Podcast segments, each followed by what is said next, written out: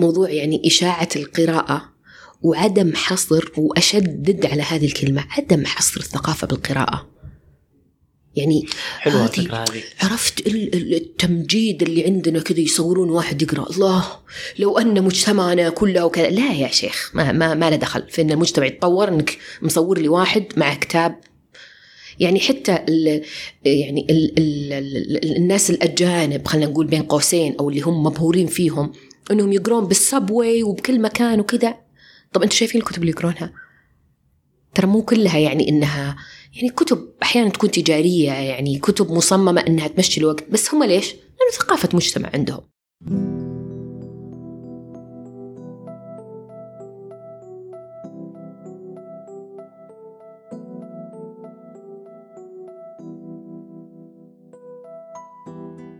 حياكم الله. معكم أحمد العياد في حلقة جديدة من بودكاست كادرنا. ومعنا اليوم الكاتبة سارة خضير. هي كاتبة وصانعة محتوى إبداعي وقاصة سعودية.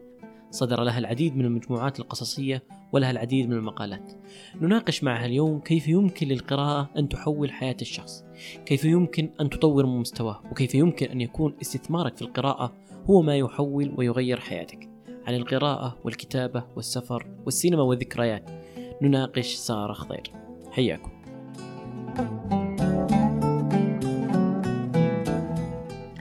أه حياك الله سارة. أه لما استعرض سيرتك أو نقول ما ودي اكبرك بس يعني سير مسيرتك أه في الع- العملية ما بين دراستك الأدب العربي بعدين الصحافة والكتابة وصناعة المحتوى الرابط ما بين هذا كله أعتقد إنه القراءة، كيف ممكن إن القراءة هي من بدأت هذه الحكاية؟ الله يسعدك أحمد. ويمسي عليك بالخير. وعلى كل من يستمع للبودكاست الجميل كادرنا. قلنا القراءة. مم. يعني أنت كذا تبي تخليني أحن وأبي أرجع بس- بيتي بسرعة عشان أروح مكتبتي. ممكن أنت يعني وفقت إلى حد كبير في موضوع إنك وصفت إنها مدخل لكل شيء أنا أسويه. قراءة حببتني في الكتابة حببتني في التعبير وإنه يصير عندي رأي ويصير لساني طويل. يعني أوكي يسوي لي مشاكل. آه القراءة برضو آه ساعدتني بشكل شخصي على تجاوز مشاكل. آه كوني إنسانة كثير قلقة. وكثير. يعني أعاني من هذا الموضوع فهي تسوي لي راحة وهدوء آه تنظم أفكاري.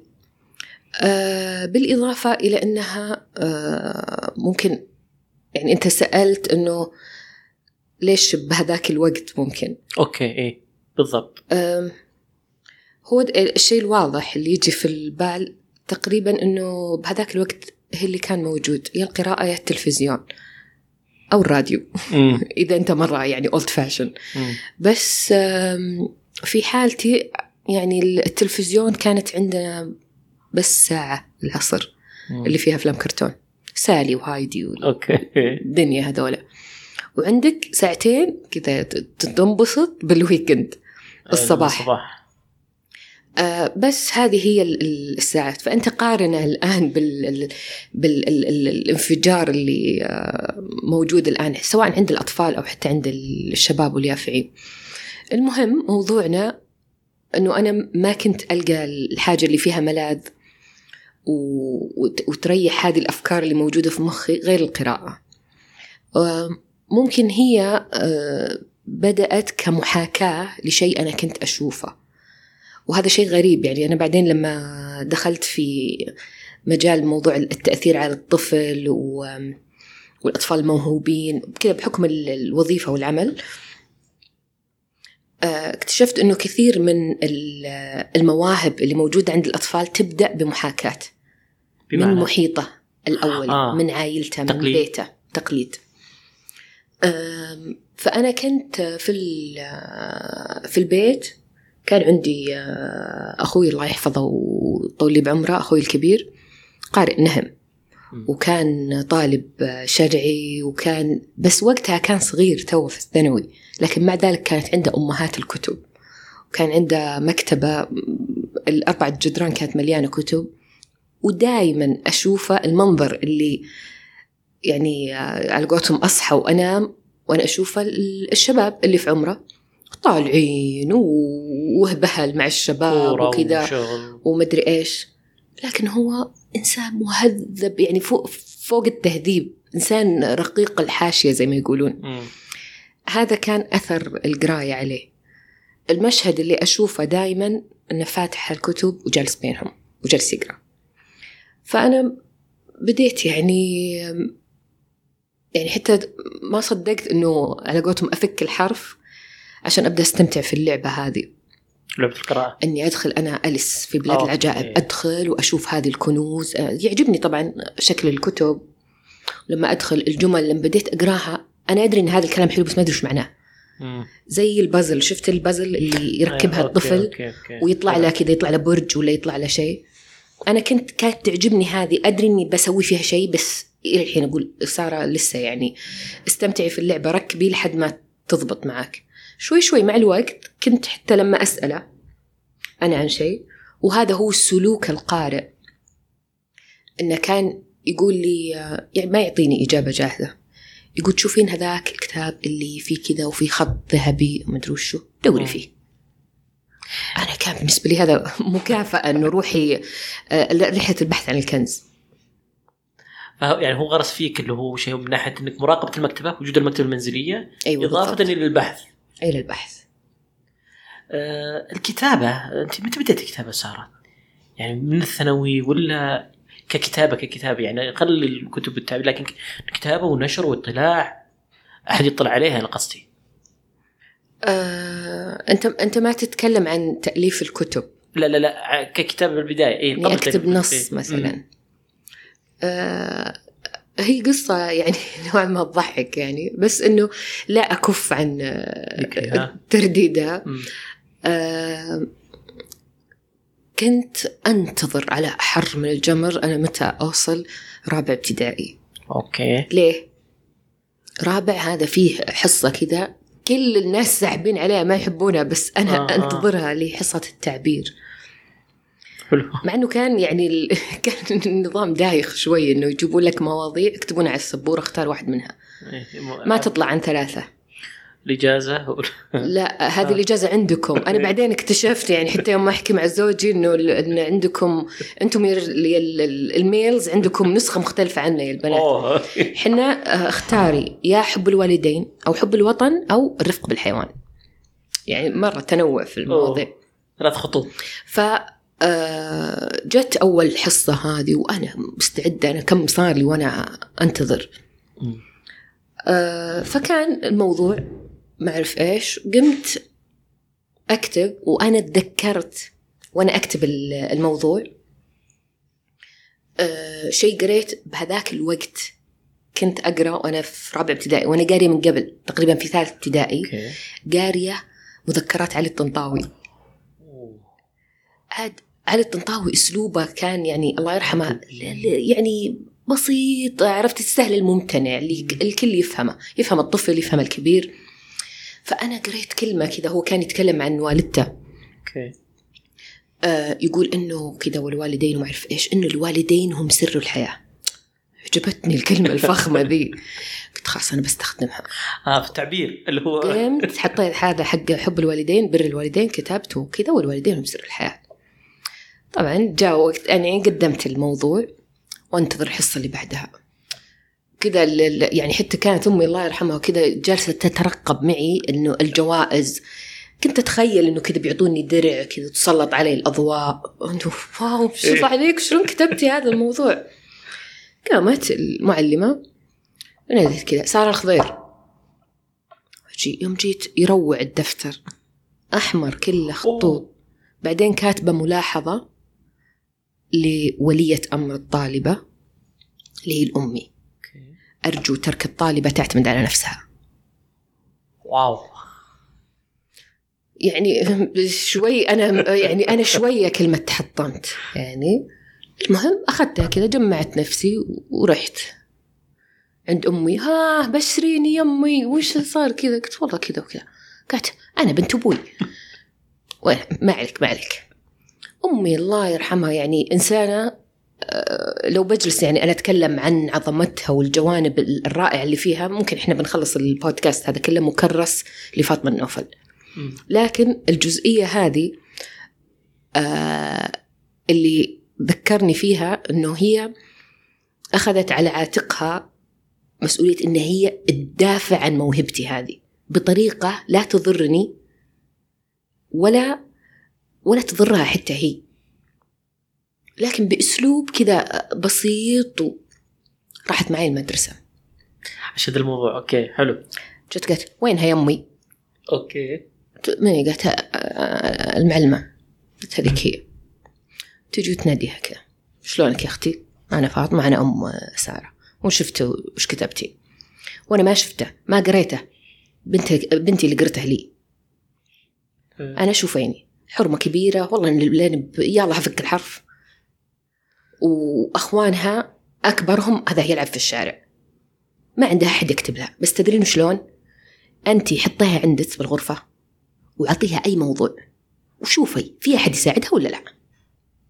السلام حلو، عليكم. حلو. طلعت وخلتها طبعا راحت المدرسة جابت من المواضيع الثانية ذيك اللي على السبورة حقت حب الوطن والرفق بالحيوان فاتني نفس الشيء. أنا تذكرت شيء من من كتاب قلت من المخزون القراءة اللي عندك إيه. آه بس اللي صار بعد كذا إنه صارت عندي معضلة ثانية. أوكي. إنه المدرسة خلاص الآن آمنت بموهبتي. آه صار بس وش صار؟ تعالي سارة اكتبي لي هذا الدفتر حقي اكتبي لي مقدمة عشان برسلها للتوجيه التربوي. تحصل على الأشياء. أنا I don't mind كنت وقتها أنا بس أهم شيء يطلع عندي هذا ال- ال- المخزون.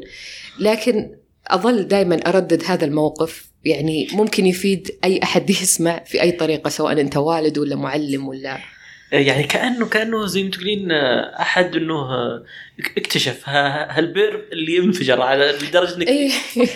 فهذه كانت أول تجربة في ال- في الكتابة. بعدها أنا بديت يعني أكتب أكتب لأنه أكتب دائما عندي مذكرات وعندي أشياء نصوص أكتبها. مم. تجرأت أنا وأنا في صف ثاني متوسط. أوكي. إنه أنا أنشر. أيام عز الفاكس. أوه. تعرف الفاكس؟ أنا عاد ال millennials الحين وجيل الألفية يتعبوني في موضوع الفاكس. أوكي. يعني واحدة قاعدة تقول لي ذا الكلام قلت تعرفين الفاكس وشو؟ قالت هو ال إيه عادي يشبك على الواي فاي ويرسل يسوي copies فاي أيوه آه فكان عندي فاكس. وقمت والله كشخه وارسلت ذاك الوقت أيوه أرسلت نصوص كان فيه ملحق ثقافي جريدة الرياض كل جمعة. آه قمت أرسلت نص. وعلى فكرة هو عندي آم، قمت أرسلته على أساس إنه لعل وعسى إنه ينشر. فقام آه، يعني طبعا هو بالفاكس أنت تحط بياناتك وكذا. إيه. قام ال- محرر الصفحة كان وقتها الله يذكره بالخير آه، نايف آه، رشدان. أوكي. فقال إنه آه، اتصل وردت أمي. قال إنه ممكن أكلم الأستاذة سارة غير. أنا جالسة ألعب. قالت اصبر يا أبوي. وتناديني يا أمي سارة تعالي كلمه كذا. قال معلش يعني خاله هو يكلم أمي. إيه. كم عمرها هي؟ قالت والله ما أدري وليدي تدرس بثاني متوسط قال لي الله يوفقها. وكذا وقولي لها يعني دعوات يعني ما كلمني هو بس قال يعني الله يوفقها وكذا و... والله يعافيك انت يعني انكم عج- عجبهم النص لدرجة انهم شكوا انه يعني اي فقاموا ونشروا نشر هذاك ال- النص اللي هو أول محاولة إنه أنا أنشر. بعد كذا شاركت في جريدة الرياض في مسابقة كانت على مستوى الرياض في مسابقة القصة القصيرة. مم. بعدها بسنتين كنت في أول ثانوي وفزت فيها برضو في المركز الثاني وكانت يعني هذا الشيء اللي أعطاني الدفعة مرة قوية في موضوع النشر. موضوع النشر خاصة. آه لما استعرض يعني مخزونك الكتابي أو من ناحية آه الكتب اللي صدرت آه سارة فيه أنت مطلق طبعا معظم كتبك هي عبارة عن قصص قصيرة وهو فن من الفنون الأدبية. دائما عندنا في العالم العربي أو آه، يقول لك آه، متى تخرج متى تخرج روايتك الأولى أو كتابك الأول أو آه، كتابك الأول اللي هو الروائي الأول يرون أن مرحلة القصص القصيرة هي مرحلة وتعدي. رأيك بالموضوع هذا؟ إيه، في هذه المقولة اللي دائما يقولونها بالأفلام. If I have a nickel على كل مرة أحد قال لي إنه متى حتكتبي رواية كان صرت الحين مليونيرة.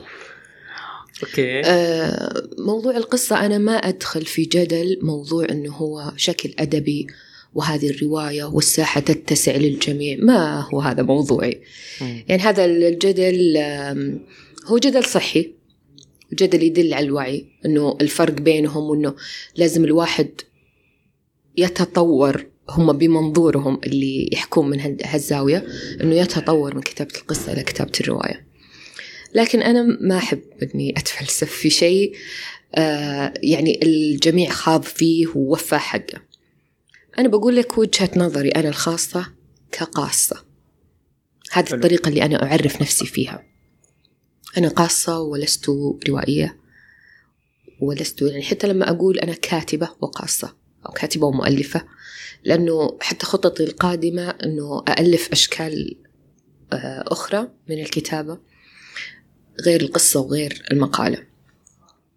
آه، بكل بساطة موضوع القصة القصيرة يناسبني أنا شخصيا. كسارة. أيوة. ليه؟ آه، أنا أخبر بنفسي وأعرف بنفسي أنا ما عندي هذا النفس الطويل وأنا صراحة والله إني أغبطهم الروائيين على البال الطويل هذا في سبك وتطوير الشخصية وتعميق الأحداث وإنه يعني ما شاء الله تبارك الله أنا أتمنى إنه أنا عندي هذا الحلم والصبر وطولة البال. أنا ما أقدر نفسي مرة قصير. أحتاج الشيء إنه يجي كذا سناب سناب سناب ورا بعض. فأكثر شيء يعني ممكن أنا أرتاح كذا إنه خلاص يفرغ اللي فيني القصة. إني أركز يا على حدث يا على عقدة في الشخصية نفسها.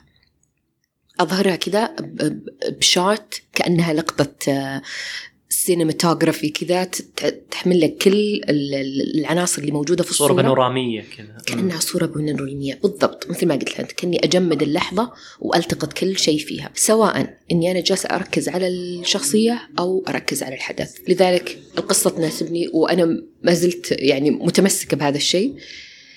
إن شاء الله إني أنا حكتب روايه لكن أنا ما رضيت إلى الآن عن الروايه اللي كتبتها لذلك ما نشرتها. الحديث آه، آه، عن النقد لدور النشر العربية. دائما هناك فيه خلاف بين الكاتب والناشر العربي. دائما الناشر العربي يتهم الكاتب إنه متطلباته كثيرة والكاتب يشوف دار النشر إنها مقصرة إنه لا تسوق ولا تعطيه حقه دائما أو تبخس حقه. آه، أنت بما أن عندك مخزون من الكتب رأيك بدور أو دور النشر العربية أو تجربتك في هذا الموضوع هذا؟ أه برضو بهالموضوع أنا أحاول إني مو إنه موقف سلمي وموقف أه كذا لأنه يعني في أعماقي أنا ما عندي هذا الاهتمام والتركيز الزايد في إنه أنا أفرق وهذا كذا هذا غلطان هذا مو غلطان. بصراحة. ما أهتم ما أهتم ما, ما عندي حتى الطاقة إني أنا أهتم. فلسفتي برضو الخاصة اللي جاية من زاوية سارة فقط إنه بالعكس علاقة الكاتب عندنا بدون النشر هي أشبه ما تكون بأي علاقة إنسانية. لازم يكون فيها تواصل فيها تحاور هو يفهمك الناشر يفهم أنت وش تبي. لما تيجي أنت وتقول له كذا أبغى طب أنت تبغى تنتشر؟ قل له هذا الشيء. قل أنا أبغى أنتشر وهو بيقول لك بصريح العبارة أنا ما أسوق. أنا أطبع لك الكتاب. سوق لنفسك أنت تسوق لنفسك. تبي تشوف لك شركة تسويق ولا بتسوق لنفسك أنت بعلاقاتك الخاصة. المشكلة اللي تصير في دور النشر نفس المشكلة اللي تصير في, في العلاقات الإنسانية عندنا. شلون؟ قاعدين يعني اثنين زعلانين على بعض ومشاكل ومدري وش وهم ما عمرهم جلسوا ولا عمرهم تكلموا. يعني أنت رايح ومرسل كتابك للناشر وقاعد تتشرح عليه وقاعد تقول مدري وش. طب تكلم معه. قل له أنت وش تبي. عطى سوى له بروبوزل سوي له تصور حط فيه إنه أنا أبغى أنشر كتابي بالفترة الفلانية أبي حفل توقيع بالمكان الفلاني أبغى آه، فعالية ثقافية على هامش إطلاق الكتاب. قل وش تبي؟ تكلم. اعتبر نفسك في علاقة ومع شخص وقل له أنا أبي كذا أنا أبي اهتمام أنا أبي تكون شفافية هي عنوان العلاقة هذه. إيوه. يعني ال- ال- ال- اللي زعلني يعني أنا كثير كثير من أصدقائي وصديقاتي لهم كتب وألمس فيهم التشره هذا. مم. وكثير من أصدقائي أصحاب دور نشر. برضو ألمس فيهم التشره هذا. أنه هو كذا ويبغى يعني لأنهم جالسين في علاقة كل واحد يحاول يستشف الثاني وش يبي. هم بينهم قانونيا بينهم عقد. لكن أنت أنت لما تنشر أنت وش هدفك؟ وش تبي؟ تبغى تنشر؟ تبي توصل صوت؟ تبغى توصل للجمهور ما وصلت بالمرة اللي قبل. لازم يصير عندك آه، أهداف ذكية زي ما يقولون آه،. واحد اثنين ثلاثة. لأنه أنت يعني عندك خطة طريق أنه أنت وش, وش, بتسوي؟ لوين رايح في الكتاب هذا؟ على صعيد تجربتي الشخصية أنه الحمد لله أنا وفقت يعني في كل ال- ال- الستة كتب اللي أنا نشرتهم. أولا أنه كانت يعني دار النشر اللي نشرت مجموعاتي القصصية الأولى تابعة للمؤسسة الصحفية اللي أنا كنت أعمل فيها اللي هي وهج الحياة للإعلام اللي تتابع لمجلة حياة فكان عندي أنا أريحية في أني أنا أختار و... وأحذف وأعدل لكن كانت عندي رقابة اللي موجودة رقابة كل صحفي يفهمها لما أنا أقول أنه فيه رقابة. لأنه أنت وقت ما تكتب تختلف الرقابات لمجلة. ما بين مؤسس ومؤسس لما تكتب دولة ودولة. اي لما تكتب المجلة أو صحيفة أنت ما انت قاعد تعبر عن نفسك أنت قاعد تعبر عن آراء الصحيفة. مع إنهم يكتبون قبل هذا لا تعبر عن مدري وشو. بس إنه لا. actually إنه هم عندهم سياسات و regulation معينة أنت ما تتعداها. فأنا كنت إلى حد ما لكن هذا الشيء خدمني الصراحه بعد كذا يعني أنا بدأت بعلاقة مثمرة وشفافة ومفتوحة مع آه، دار أثر في كتابين الأخيران. مثل متروشكا و دمية الماتريوشكا وقناع. من خلال كتاباتك سارة فيه يعني دائما أنا أنا عرفتك خلال كتاباتك السينمائية أو علاقتك بالسينما. الله. والمحتوى تقدمين المحتوى السينمائي اللي تقدمينه سواء بمراجعات الأفلام أو اقتباسات الأفلام. فكيف أثر السينما على سارة خضير ككاتبة أو أو عموما بحياتك يعني؟ كذا جاني شجن يا أحمد ونستالجيا و...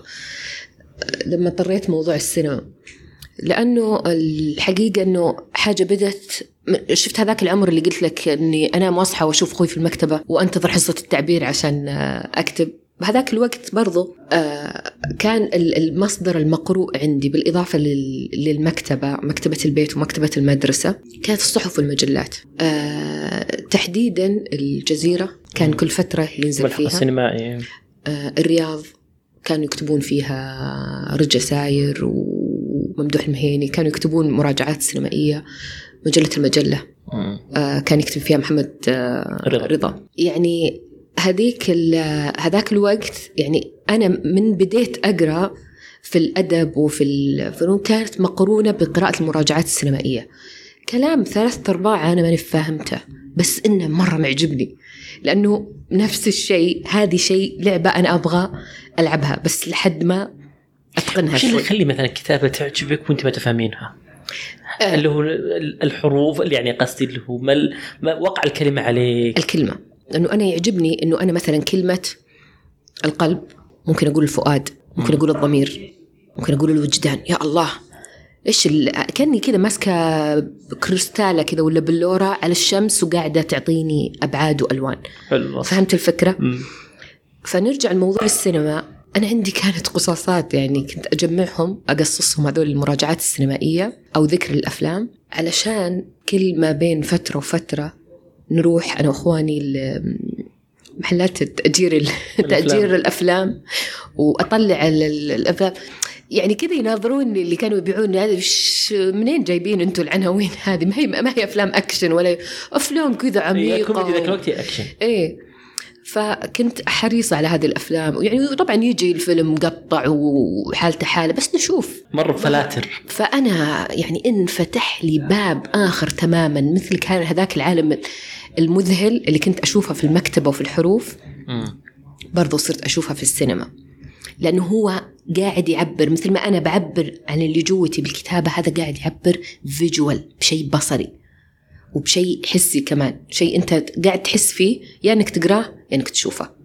قاعد واحد يمثله بإتقان قدامك.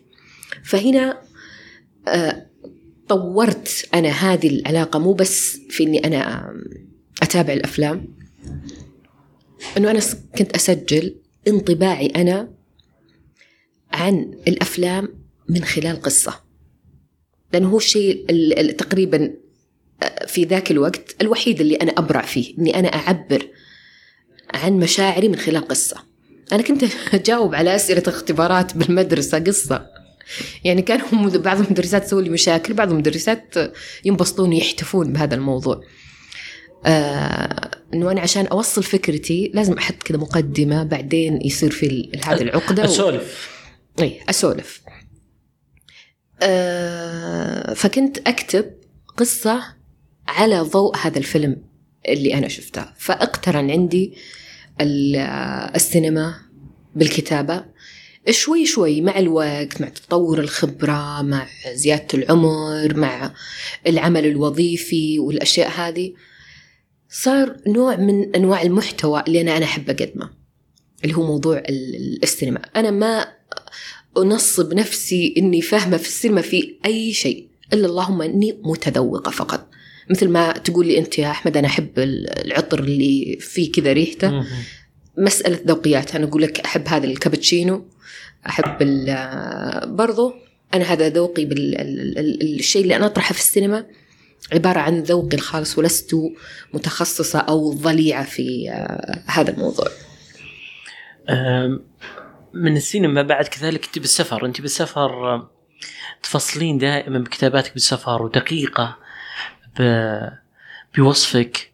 وفي عين ربما ما أدري هي عين الكاتب أنه تفاصيل السفرة يحكيها بشكل آخر. يعني ممكن تروحين مكان ممكن قد يكون عادي عن شخص آخر لكن أنت من خلال كتاباتك ومن خلال وصفك للسفر يكون لا. يعني أذكر أنت مرة تكلمتي أو كتبتي عن نيويورك وكتبتي عن لندن. كان شيء يعني له وقع خاص بالنسبة لي. كتبت عن مسقط. حتى إي صح مسقط آخر شيء. الشيء المشترك بين يعني موضوع السفر وأي حاجة ثانية أحبها اللي هو الوقود الأول عندي القراءة.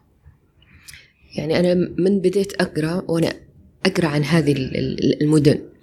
عن الحياة فيها عن شخصية تكون من من من هناك أو إنها واحدة من الشخصيات تتكلم في كتاب ما إنه أنا لما كنت في نيويورك صار كذا وكذا وكذا.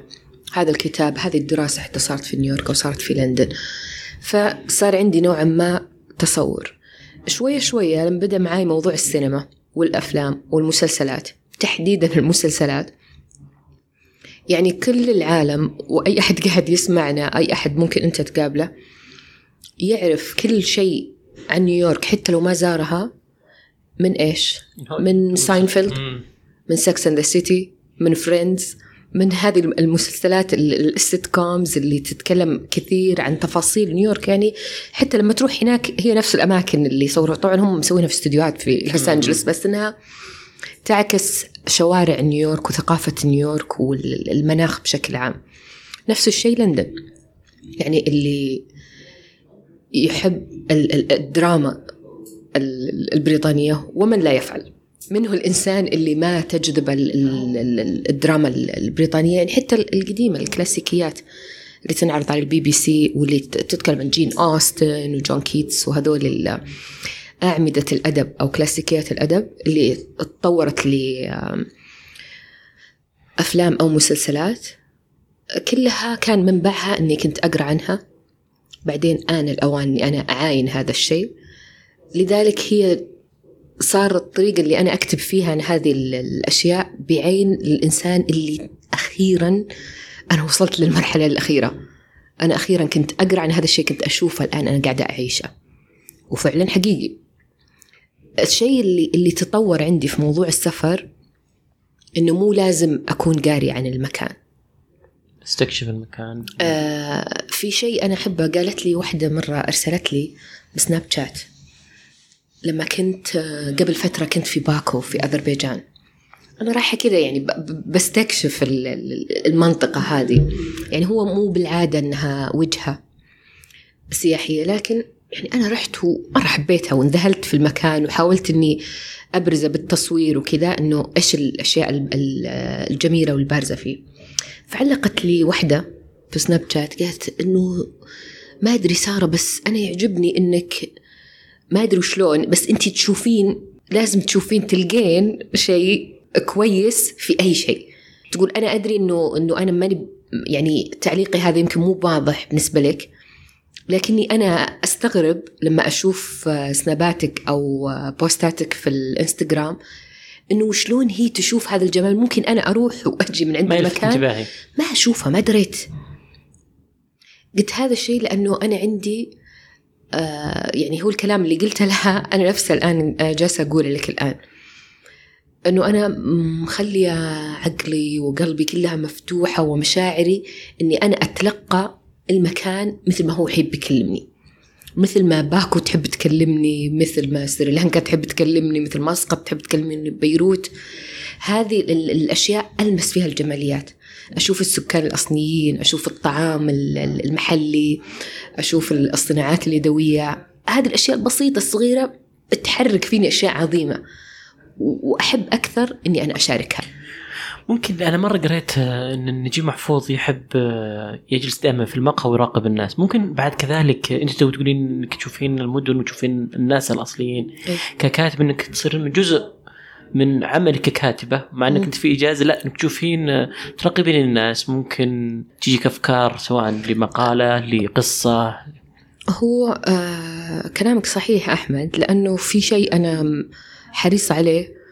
وكل أحد سافر معي يعرف النقطة هذه عني.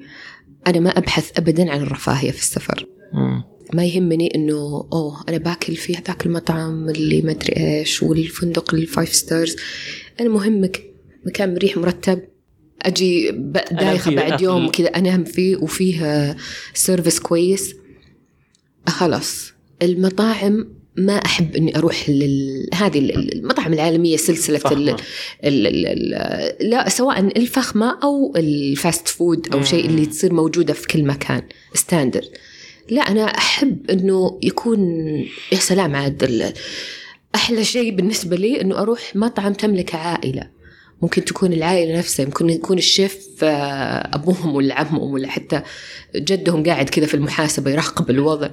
بناتهم يشتغلون as waiters يعني هذه الأشياء هي اللي أحبها. نفس الشيء حتى المحلات. يعني أنا ما يهمني موضوع ال- ال brands والكذا. يعني آه، بالنهاية أنا بنت يعني ما قاعدة أمثل عليك. يعني إذا الديرة فيها مكان outlet ولا مكان لل brands حلو تجمع أروح أسوي little shopping بس اللي أحرص عليه الأشياء اللي handmade ولا ال local brands شيء اللي لما أدخل ألقى ال- ال- الشخص نفسه هو صاحب ال business هو صاحب المكان هو اللي يسوي هذه الأشياء. يا اما إنه يسوي جاكيتات أو واحدة تسوي شنط أو الله. يسوي حلو. هذه الأشياء مرة مرة يعني تعجبني. حتى لو انها واحد آه، شفته في باكو يسوي مربى. أوكي حلو. وقعدت أصور هذه الأشياء وكذا وأسولف معاه اكتشفت يعني لما عملت post عن الموضوع هذا إنه مشهورة باكو أساسا في صناعة المربى. فهذا شيء أنا غافلة عنه كنت. هذه الأشياء هي اللي أحب أستكشفها أحب إني أطلق جميع حواسي إني أنا أمتصها وأعكسها بالتالي مثل ما أنت تفضلت. طبعا يعني ما أصل أنا الليفل. إنه زي نجيب محفوظ وكذا إنه لكن أكيد إنه هذا الشيء يساعدني في إني يقوي مخزوني أنا أحب إنه أبزر إنه أنا أراقب أشوف تفاعل الناس آه لأنه في- حتما في مرحلة ما أنا راح أحتاج إنه أعتزل كل شيء وأتفرغ إني مثلا أنهي كتاب أو أنهي فصل من كتاب هذا أو أنهي مشروع. تستدعين الأشياء اللي عندي في, في مخيلتك. أه سمعت لك مقابلة تكلمتي مرة إنه لا تحددين أو تقولين إن إحنا أصبحنا مؤخرا نبحث عن التصنيف. لما نتكلم. مع هذا فلان كذا وهذا مثلا كذا وهذا كذا. وفسرتي البحث عن التصنيف بإنه صعوب انه الواحد ما عنده أو مو جلد ما عنده حتى صبر إنه يكتشف اللي قدامه. إي. وصفتيه أنت بصعوبة أساسيات التواصل والتصنيف. أمم. صحيح. يعني أنا آه، عادة لما أنا لا أخوض جدلا ولكن عندما أشهد خوض آه، جدل جدالات أيوه. آه، الشيء اللي ألاحظه أنه يعني أنا أعرف أنه فيه نمط معين من الشخصيات يكون هو كذا هو محب للجدل لأنه عنده مهارات مثلا لغوية أو قدرات على ال- اللي يسمينها مهارة الربط والتحليل. فهو يحب يعني أنه يدينك ويبرئك بنفس الوقت. هذه مهارة يعني في بعض الناس يحب أنه مثل ما بعض الناس يحبون يحلون أرقام ولا كلمات متقاطعة في ناس كذا يحب الجدل. يحب النقاشات. اي يعني فيه منهم أصدقائنا المحامين. الله يذكر بالخير ويوفقهم بعدنا عنهم. يعني هو المحامي المحامي الشاطر. هو يصير كذا لأنه يقدر يجادل مع كل الطرفين. يقدر يكون مع الحق مع الباطل. ليش؟ لأنه عنده هذه الملكة أو المهارة. مهارة الجدل. لكن اللي أنا أتكلم عنه واللي أنت سألت عنه مش الناس اللي عندهم هذه الملكة ويبغون كذا يتفرغون ويختبرون قدراتهم في إنه يناقضك ويحجر لك ومدري وش يسوي لك. أنا أتكلم عن الناس اللي ما يبغى يتعب نفسه ما يبغى يسألك ما يبغى يتواصل معك ما يبغى يفهمك. يبي يصنفك بس. ليش؟ لأن هذا الشيء يريحه. أنا خلاص والله أحمد كذا أنا عندي كم سؤال كذا كرايتيريا معايير معينة أبى أسأل أحمد. أنت تحب كذا ولا كذا؟ أنت مع كذا ولا كذا؟ بعدين أقول إيه أنت منهم. خلاص وارتاح. وأنا اللي أبي حنيفة. أنا متقدمه. خلاص ارتحت أنا صنفتك. لأنه هذا الشيء ريحني من سالفة أنه أنا أعرفك بشكل أفضل أتواصل معك بشكل أفضل أقرأ لك. آه، أخوض أيا كانت تجربة إنسانية معك أنه مثلا نتناقش في موضوع نتناقش في كتاب أشوف أنت وش نظرتك وش خلفيتك؟ أنت على أي أساس قاعد تقول هذه الأشياء؟ لكن الطريق الأسهل مخرج سبعة اللي تلف كذا وتروح تدخل من عنده يريحك من هذه الأشياء كلها. والله عندك دولاب كذا تفتحه في تصنيفات. هذا كذا هذا ليبرالي هذا علماني هذا متشدد هذا داعشي هذا نسوية هذا حقوقي هذا. أخذ كذا وأعطاه. إيه أنا عرفتك أنت منهم. خلاص كذا أنا أرتاح وأريح راسي ولا أجلس أتناقش ولا أتواصل ولا أه ولا أهدي اللعب. يعني مو بلازم أفوز. ترى كلنا فايزين. خلاص ارتاحوا بس. آه، الحين كثرت سارة دورات الكتابة. كيف تكتب رواية؟ كيف تكتب رواية في عشر أيام؟ في ما بين. ناس ما بين ناس مع وناس ضد. رأيك بمثل الدورات هذه؟ ما أدري إذا أنا يعني قاعدة أكرر نفسي أو أكرر الشيء اللي يقولونه مثلا الكتاب نفسهم. هي ال- الموهبة نفسها ما تكتسب لكن المهارات ممكن تكتسب. يعني أنا مثلا ممكن أستوعب أنه يكون الوركشوب أو الدورة عن حاجة م- يعني مرة تخصصية دقيقة في الكتابة. إنه أنا مثلا كيف تكتب إعلان تجاري؟ صح. آه. هذا أنا معاه لأنه بيجي بيعطيك إنه واحد اثنين ثلاثة هذا الجدول أنت شلون تدرس ال- الجمهور المستهدف وما إلى ذلك. لكن إنه تكتب رواية آم، إحنا هنا دخلنا في منطقة إنه كيف تكون شاعر كيف تكون رسام. كيف تكون. يعني إحنا نتكلم عن الشيء اللي هو صلب ال- الإنسان هذا الموهوب. يعني هو دائما وهذا شيء أنا اتعلمته من خلال شغلي و انه في فرق بين الموهبة والإبداع. الموهبة زي إنه يكون عندك ذكاء عالي أو يكون عندك موهبة ال- ال- الشعر أو الكتابة. أو أو يكون ال IQ عندك عالي. والإبداع إنه أنت يكون عندك مهارات ممكن تكتسبها وتطورها وبرضو هذه المهارات لازم انت تكون من قبل واعي إيش مصدرها. أنا شاطر في إيش؟ أنا شاطر بالأشياء المنطقية ولا الاشياء الوجدانيه والاجتماعية ولا شاطر بالأشياء الخيالية والإبداعية ولا آه، شاطر بالأشياء الحركية والاستعراضية وما إلى ذلك. يعني الموضوع موضوع الدورات آه، والورش العمل إذا هي راح تزودني بتقنيات معينة راح تزودني بمهارات تقوي مهارات عندي تصقل مهارات. حيا الله. بتعلمني موهبة.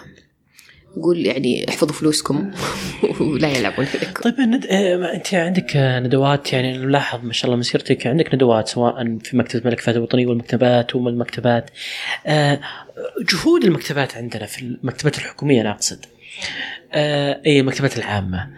كيف كيف تشوفينه؟ كيف ممكن تكون إنها مثلا قبلة آه، للقراء أو قبلة لل آه، للقارئ عموما أو تكون مغرية إن لا احد يزورها؟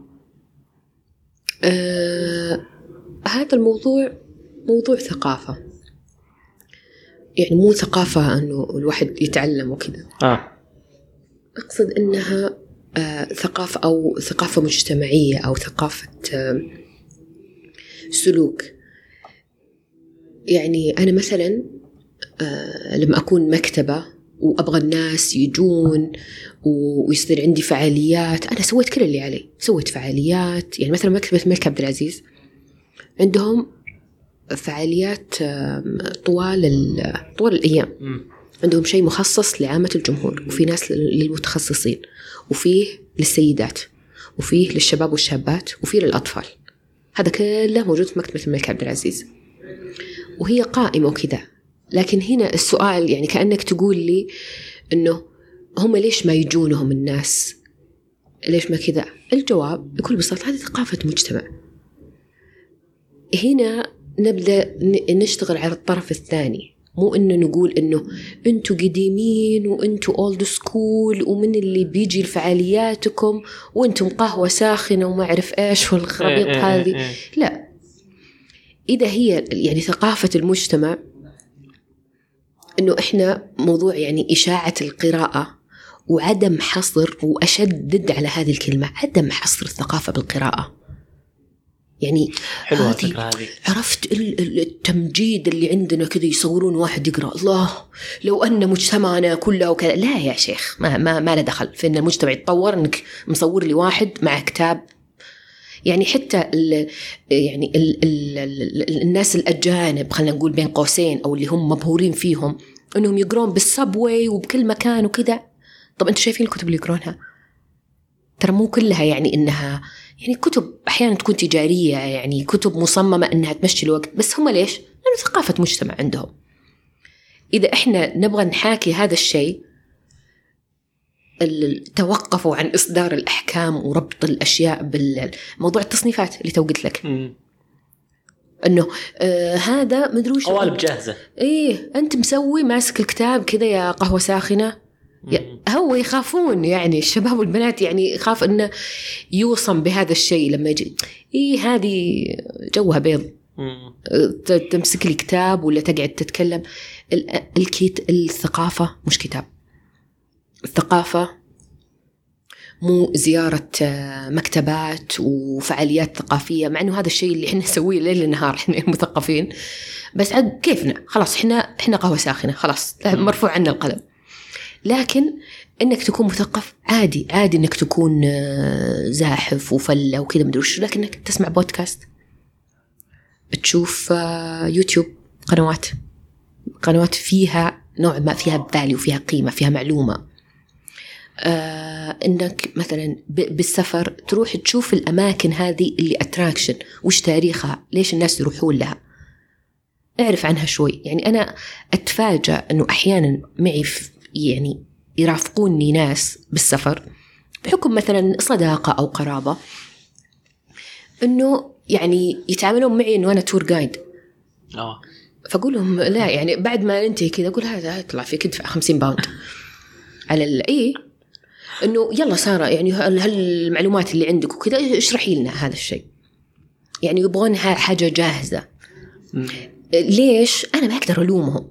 لأنه بالنهاية هم متعودين إنه هذا الشيء موجود ناس زي سارة وطقتها والقهوه الساخنة هم اللي مسؤولين إنهم يعطونا هذه المعلومة حنا يا أخي ما. حنا حنا ما حنا مجتمع ذا حنا ما حنا مثل الامريكان نقرأ وإحنا في الباص فهمت فكرتي؟ آه، وضحت الآن يعني موضوع أني أنا أشيع ال- الثقافة وبالتالي أرفع الإقبال على المكتبات وأرفع أني أنا أشجع أو أعزز سلوكيات معينة. السلوكيات هذه بغض النظر إنها حضارية ومرتبطة بجمال الحياة وجودة الحياة وما أعرف إيش لكن هذه السلوكيات ببساطة حضارية. يعني يسويها إنسان واعي عارف هو إيش قاعد يسوي. ما له دخل متعلم ومتعلم كبير صغير وش خلفيته الثقافية وش خلفيته التعليمية ما لها دخل. لكن عنده سلوك حضاري نابع من إنه هو واعي هو متثقف هو يعرف مو لأنه قاعد يروح المكتبات ويفتح كتاب ويصور كتابه كذا وهو قاعد يقرأ في الحديقة. وإنه واو هذا الإنسان عميق. كتابك آخر كتاب لك قناع.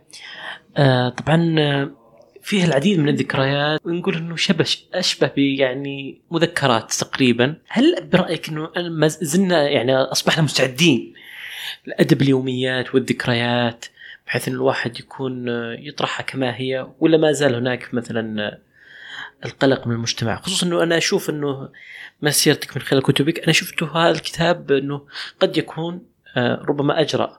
آه، من الكتب لأنه السابق. بعد آه، مو تحت مظلة آه، الصحافة كان إيه. إيه.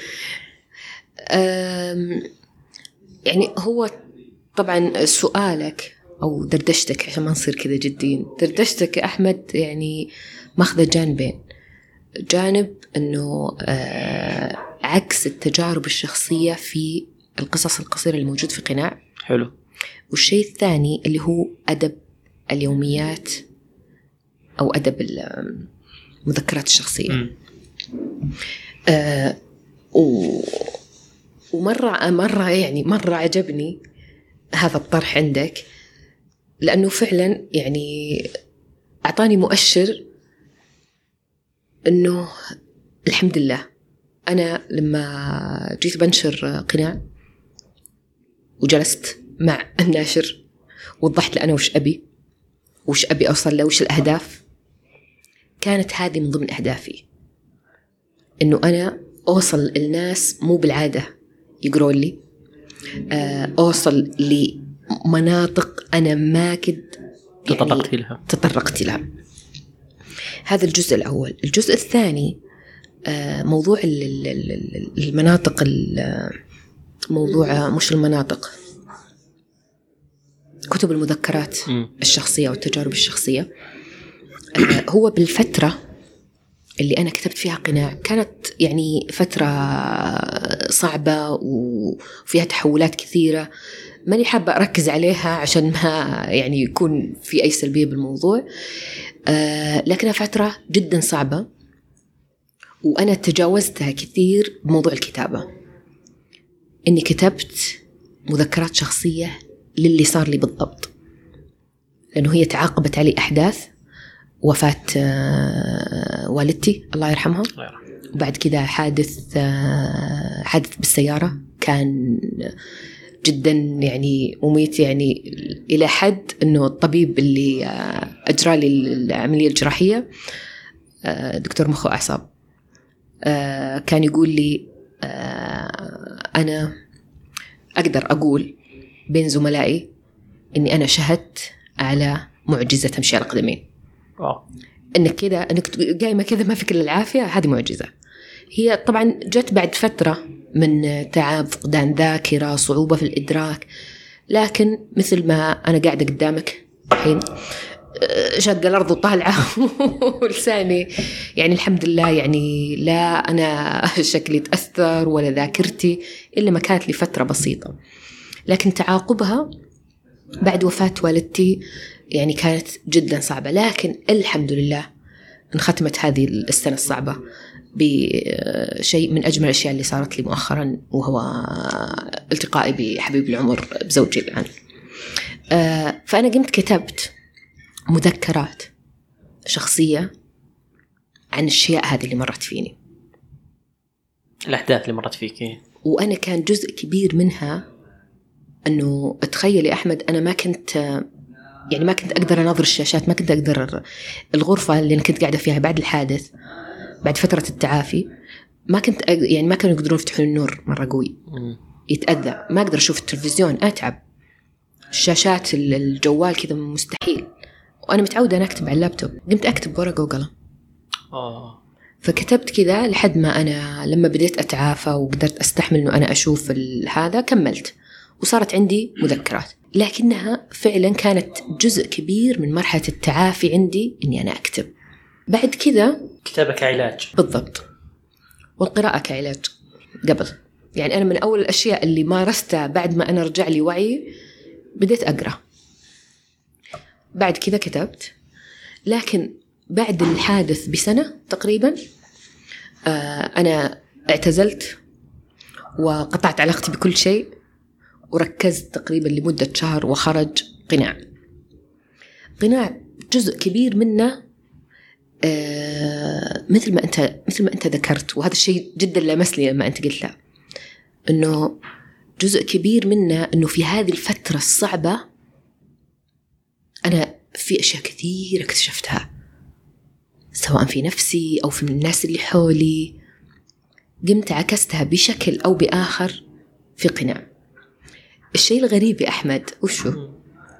إنه أنا حسبت إني أنا ختمت ال- الحياة لما كتبت قناع وإني أنا الآن الحمد لله والشكر خلصت الطبعة الأولى.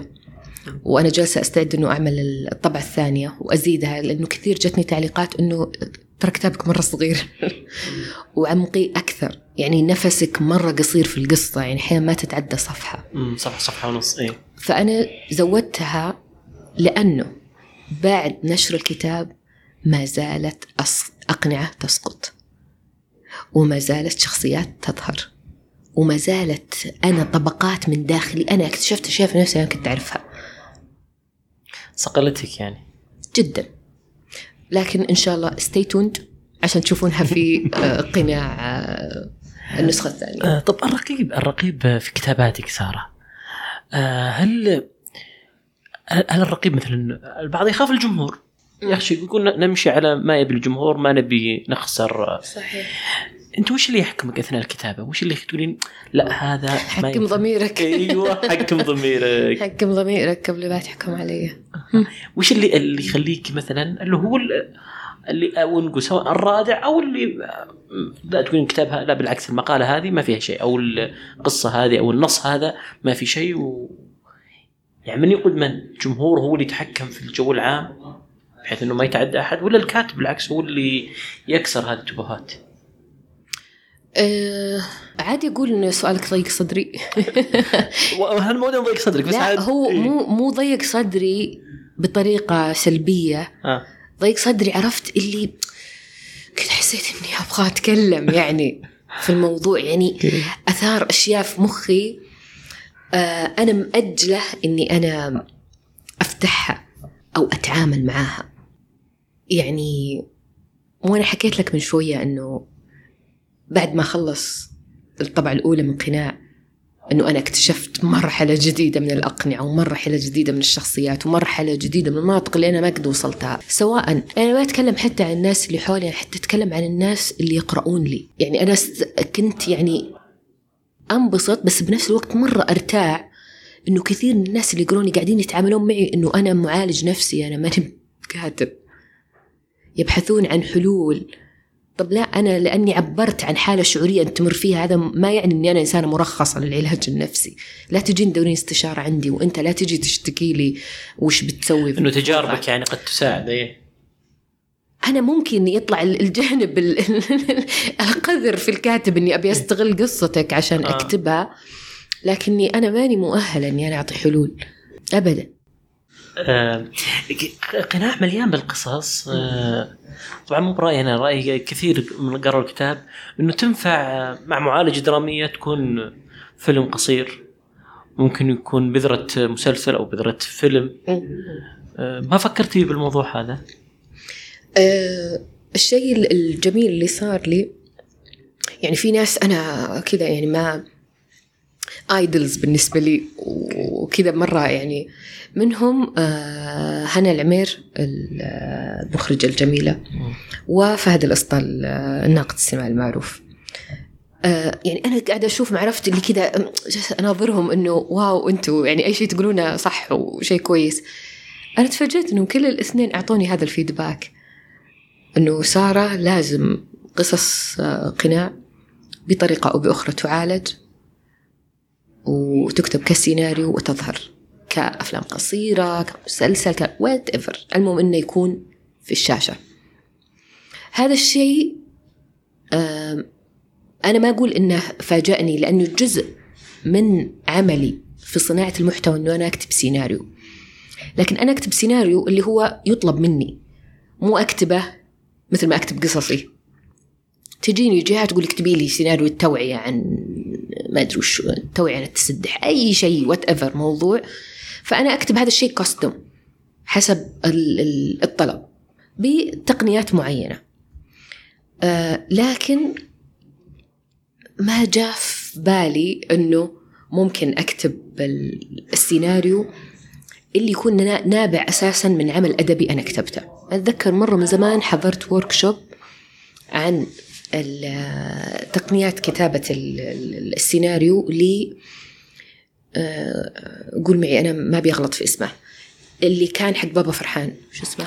خالد الحربي. خالد الح... خالد إيه، الحربي هو إيه، خالد الحربي. خالد الحربي. الله يسعده ويذكره بالخير يعني ايا كان. من زمان كان هذا الموضوع في النادي الأدبي. ف آه، قمت كتبت سيناريو من قصة أنا كنت كاتبتها حلو.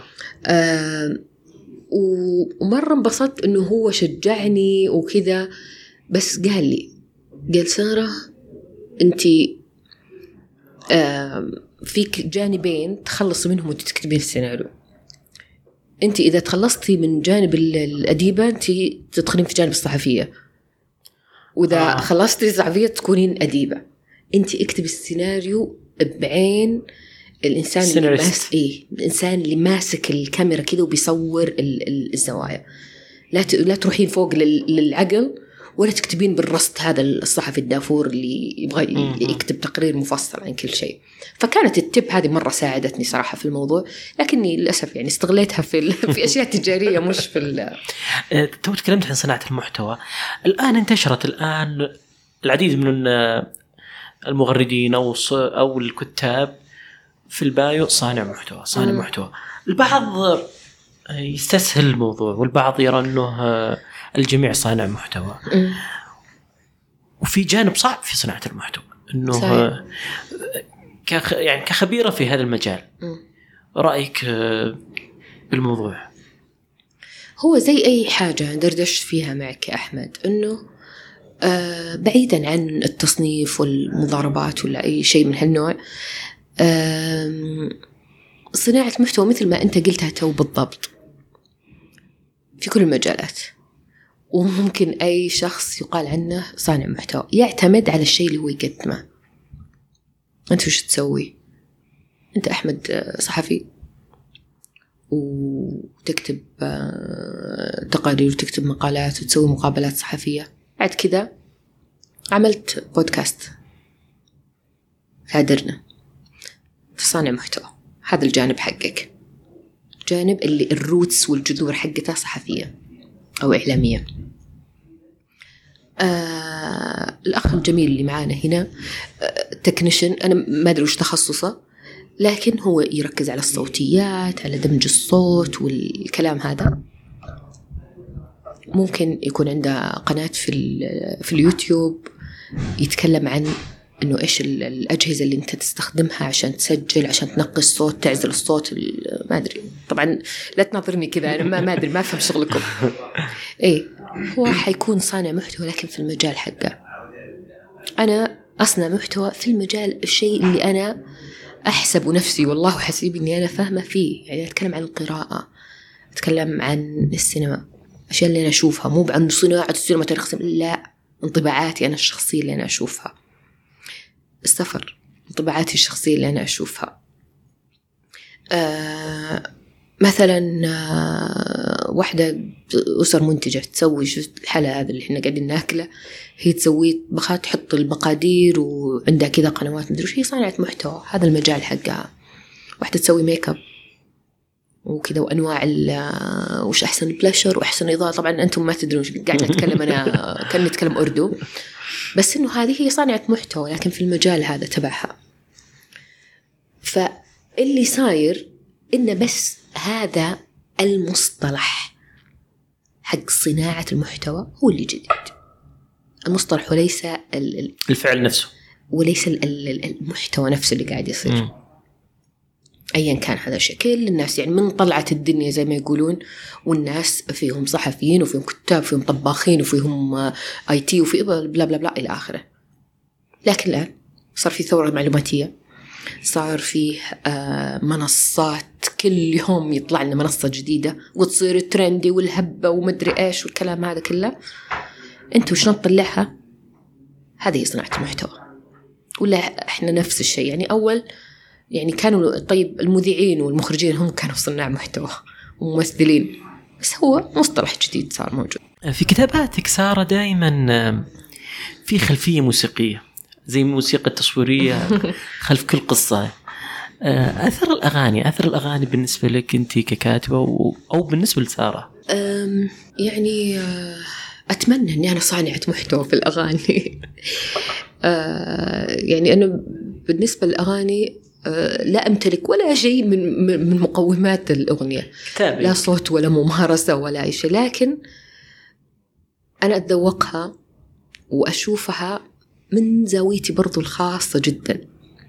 يعني أنا عندي مناطق في نفسي وعقلي ووجداني وروحي بأسماء مغنين أو بأسماء أغاني. يعني عندي مناطق يعني تحديدا الضلوع اليسار هذه فيها طلال مثلا. آه طالما مداح كلثوم.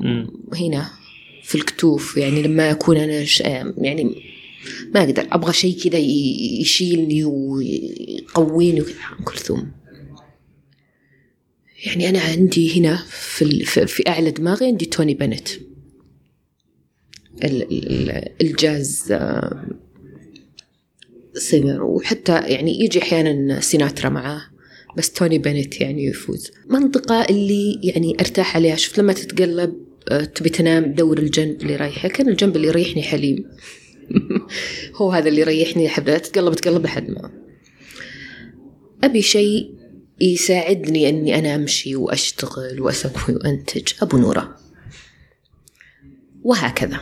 هذه علاقاتي أنا مو محصورة في هذه الأسماء اللي قلت لك. يعني ممكن أجلس هنا وأخلص كل الوقت ويسكرون هذا المكان اللي إحنا فيه ويطلعونا منه وأنا ما خلصت من القوائم اللي عندي. مثل ما قلت أنت بالضبط أنا أتعامل مع الأغنيات إنها خلفية موسيقية لحياتي. أنا أكتب على ضوءها أشتغل على ضوءها أشعر على ضوءها أتفاعل مع من حولي وأتفاعل مع الحياة أساسا على ضوء الأغاني. كذا يجي في مخي كذا soundtrack معين. لذلك أوصي نفسي وأوصيكم. بتقوى الله واختاروا أغانيكم. ليس فنانينكم وليس آه الطريقة اللي تسمعون فيها لكن اختاروها إنها تكون زي soundtrack لحياتك. آه الحديث معك صراحة لا, يمل سارة. وعارف طولنا عليك لكن خلال قراءاتك الكتاب الكتاب النقلة والكتاب آه، اللي له أثر بحياتك بشكل غير تب أو لا أو لا أو لا ينسى مع أنه أعتقد أن ما شاء الله حصيلتك كثيرة لكن الكتاب العلامة بحياتك. ما أدري ضاق صدري وأنت تقول كذا لأنه قاعد يجي في مخي 6000 آه، غلاف كتاب كذا صورة. لكن عجبني لما قلت العلامة يعني شيء اللي خدش شيء فيني كذا وقلت هذا هو. هذا هو. آه، ممكن لأن يعني من زمان أنا قريته العطر. باتريك سوسكند ما يعني تعبني يعني هذا. مو ال مو ال ال القصة بحد ذاتها. إنما القدرة الما فوق طبيعية عند باتريك سوسكند في نقل هالتجربة. في إيش؟ في نقل هالتجربة. يعني شلون عيشنا من خلال الورق؟ علما إني أنا يعني اي وش إنه أنا أعرف فرنسي.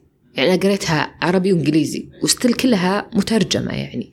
أتمنى إني أنا قريتها بلغتها الأصلية. ومع ذلك أنا ما قدرت يعني أفهم هو شلون جمع كل شيء جمع الرواية مع الفيلم مع أنت تقرأ وتحس و...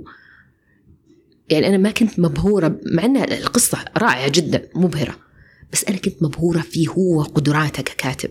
الكتاب الثاني اللي عمل فيني هذا الشيء بس أنا أتكلم لك عن من أول يعني هو العطر وفتاة البرتقال اللي كتبها جاردنر. واللي هو نفسه كتب آه، عالم صوفي. هذه برضو ال ال محاكاة وشلون أقول لك؟ منطقة الروح. أنت وشلون تتعامل مع الروح كمخلوق منطقي كشيء عنده عقل. كان هو هذا الشيء هو اللي يعني حرك مخي اللي موجود عند جاردر في فتاة البرتقال. قريتها من زمان أنا كنت مرة صغيرة. الشيء الثاني اللي برضو يعني مرة مرة يعني تجربتها في الكتاب وكذا ما تتخيل شلون هزتني. إيزابيل ليندي لما كتبت باولا كانت بجوار بنتها وهي لمدة سنة غايبة عن الوعي. وهي جلست يعني هي رواية على مذكرات على كتاب تحفيز الذات كل شيء كل شيء موجود فيه. وأسلوبه يعني طبعا أنا الأدب اللاتيني لا أقاومه يعني نهائيا. لكن آه لما قرأت أنا تحديدا باولا أنا كنت قريت كثير أشياء الايزابيل ليندي لكن لما قريت باولا أنا إن شاء الله إني حكتب بالاسلوب هذا. Eventually بالنهاية أنا حكتب بالاسلوب هذا. آخر كتاب يعني جاء في بالي الحين آه أنا عادة ما أكتب يعني وأنا في بالي كذا هدف عظيم مدري ما أنشغل بهذا الشيء.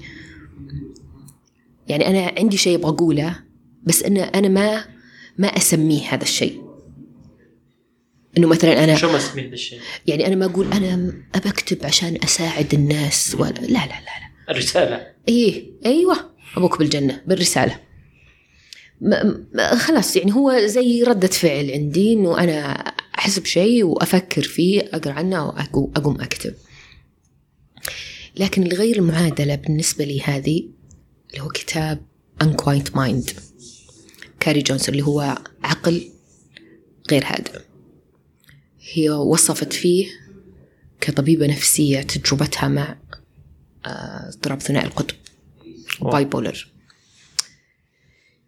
يعني أي شخص عنده أي نوع من أنواع الاضطرابات النفسية. يعني حتى مو مو شرط الأمراض النفسية ولا الأمراض العقلية إنما حتى الاضطرابات والأشياء البسيطة اللي ممكن الإنسان يمر فيها يفهم بالضبط هي وش قاعدة تتكلم عنه. يعني أنا قريت كثير كتب جميلة تتناول الجوانب النفسية يعني جنون من الطراز الرفيع هذا كتاب مرة جميل. لكن عقل غير هادي Unquiet Mind عجيب. خلي عندي هذه الرسالة اللي انت قلتها من شوي. أنا أبغى أكتب عشان هدف وهذا الشيء اللي إن شاء الله أنا اشتغلت عليه الآن لفترة طويلة. وإن شاء الله أنه بعد ما أصدر قناع الطبعة الثانية حيصدر كتاب من هالنوع. وبتكون منطقة جديدة أنا ما كتبت فيها من قبل. مش قصة ومش مقالة. وإنما عمل إبداعي جديد.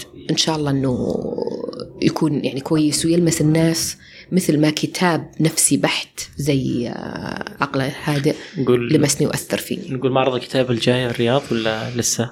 أه لا لسه. معرض الكتاب الجاي الطبعة الثانية من إلى هنا نختم الحلقة سارة. الشكر لك. حلقة جدا. أنا سعيد بالحديث دردشة معك. حديثك لا يمل. فكل الشكر والتقدير لك. وأنا والله أسعد وأتمنى إني ما أثقلت عليك. ولن أثقل على أبداً من أبداً. يستمعني. وما أثقلت على مهندسنا الرائع. كانت جلسة جدا رائعة. وكل أمنياتي بالتوفيق الكادرنا. وأنا ممتنة طبعا للفرصة هذه الجميلة. الله يسعدك.